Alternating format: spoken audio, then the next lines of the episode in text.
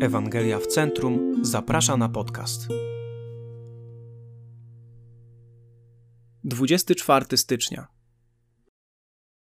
Twoje małe, jednoosobowe królestwo nie może rywalizować z chwałą Bożego Królestwa, które jest Twoje tylko dzięki Jego łasce. Jedną z najsłodszych i najbardziej zachęcających rzeczy, jaką Jezus powiedział do swoich naśladowców, możemy znaleźć w Ewangelii Łukasza 12:32. Nie bój się, maleńka trzutko, gdyż upodobało się Ojcu waszemu dać wam królestwo.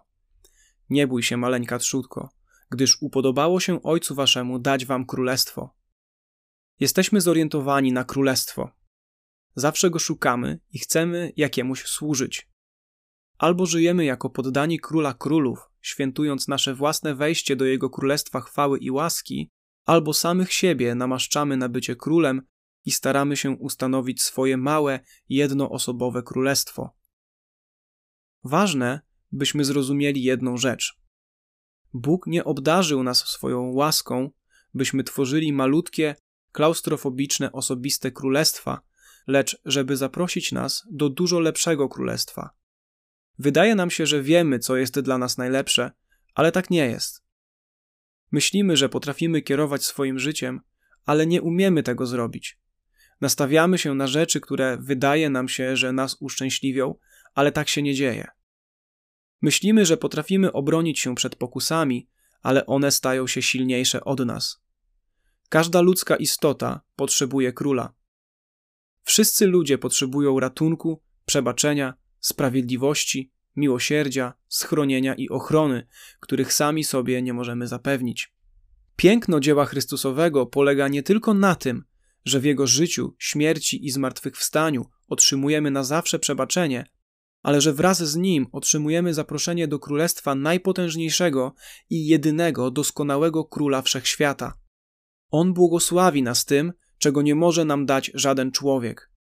Wylewa na nas deszcz przebaczenia, pojednania, pokoju i nadziei. Chroni nas, gdy sami nie potrafimy się obronić.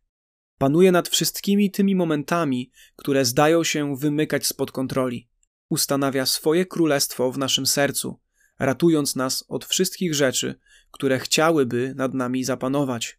I uczy nas cierpliwie, że nie zostaliśmy stworzeni, by żyć jako królowie, nerwowo starający się ustanowić własne małe królestwa. Uczy nas, co to znaczy odpoczywać w Jego królowaniu i żyć dla Jego chwały. Zachęca nas prawdą o tym, że Jego królestwo nigdy, przenigdy się nie skończy.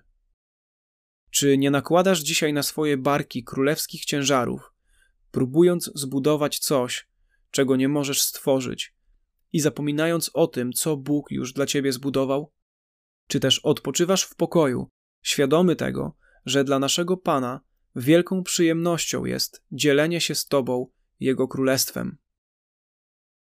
Dalsze rozważania i zachęta Ewangelia Mateusza 6, 19, 24.